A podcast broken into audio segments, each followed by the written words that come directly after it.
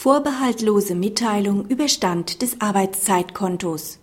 Teilt der Arbeitgeber dem Arbeitnehmer vorbehaltlos den Stand seines Arbeitszeitkontos mit, wird der mitgeteilte Saldo streitlos gestellt.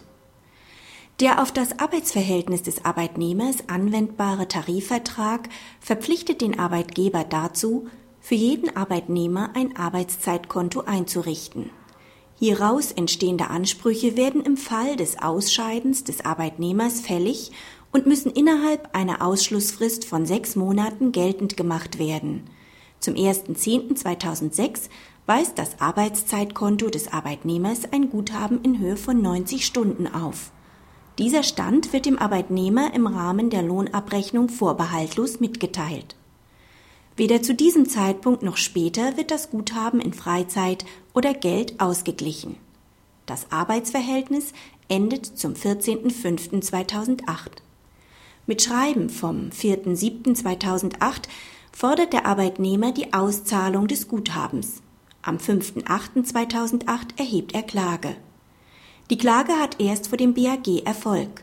Nach Ansicht des BAG ist der spätestens bei Beendigung des Arbeitsverhältnisses entstandene Zahlungsanspruch nicht verfallen, obwohl der Arbeitnehmer den Anspruch nicht innerhalb der Ausschlussfrist geltend gemacht hat.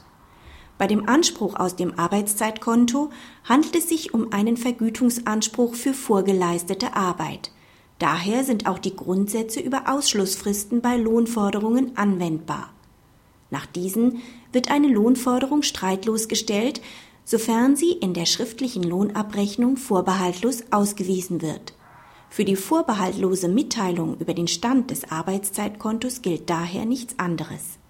Die Geltendmachung innerhalb der Ausschlussfrist ist somit entbehrlich. Die Pflicht zur Geltendmachung des Anspruchs lebt auch nicht durch die Umwandlung des Freizeitausgleichsanspruchs in einen Zahlungsanspruch wieder auf, da es sich dabei lediglich um zwei verschiedene Ausprägungen desselben Anspruchs handelt. Praxishinweis. Der Übertragung der Rechtsprechung zu Lohnforderungen auf Forderungen aus Arbeitszeitkonten ist zuzustimmen. Ausschlussfristen dienen dazu, dass der Forderungsgläubiger die Begründetheit und Erfolgsaussichten seiner Ansprüche prüft und der Schuldner nach Ablauf der Frist sicher sein kann, nicht mehr in Anspruch genommen zu werden. Sie sind daher nicht einzuhalten, wenn eine Forderung bereits streitlos gestellt wurde. Nur wenn der Arbeitgeber den Saldo unter Vorbehalt mitteilt, hat der Arbeitnehmer daher die Ausschlussfrist zu beachten.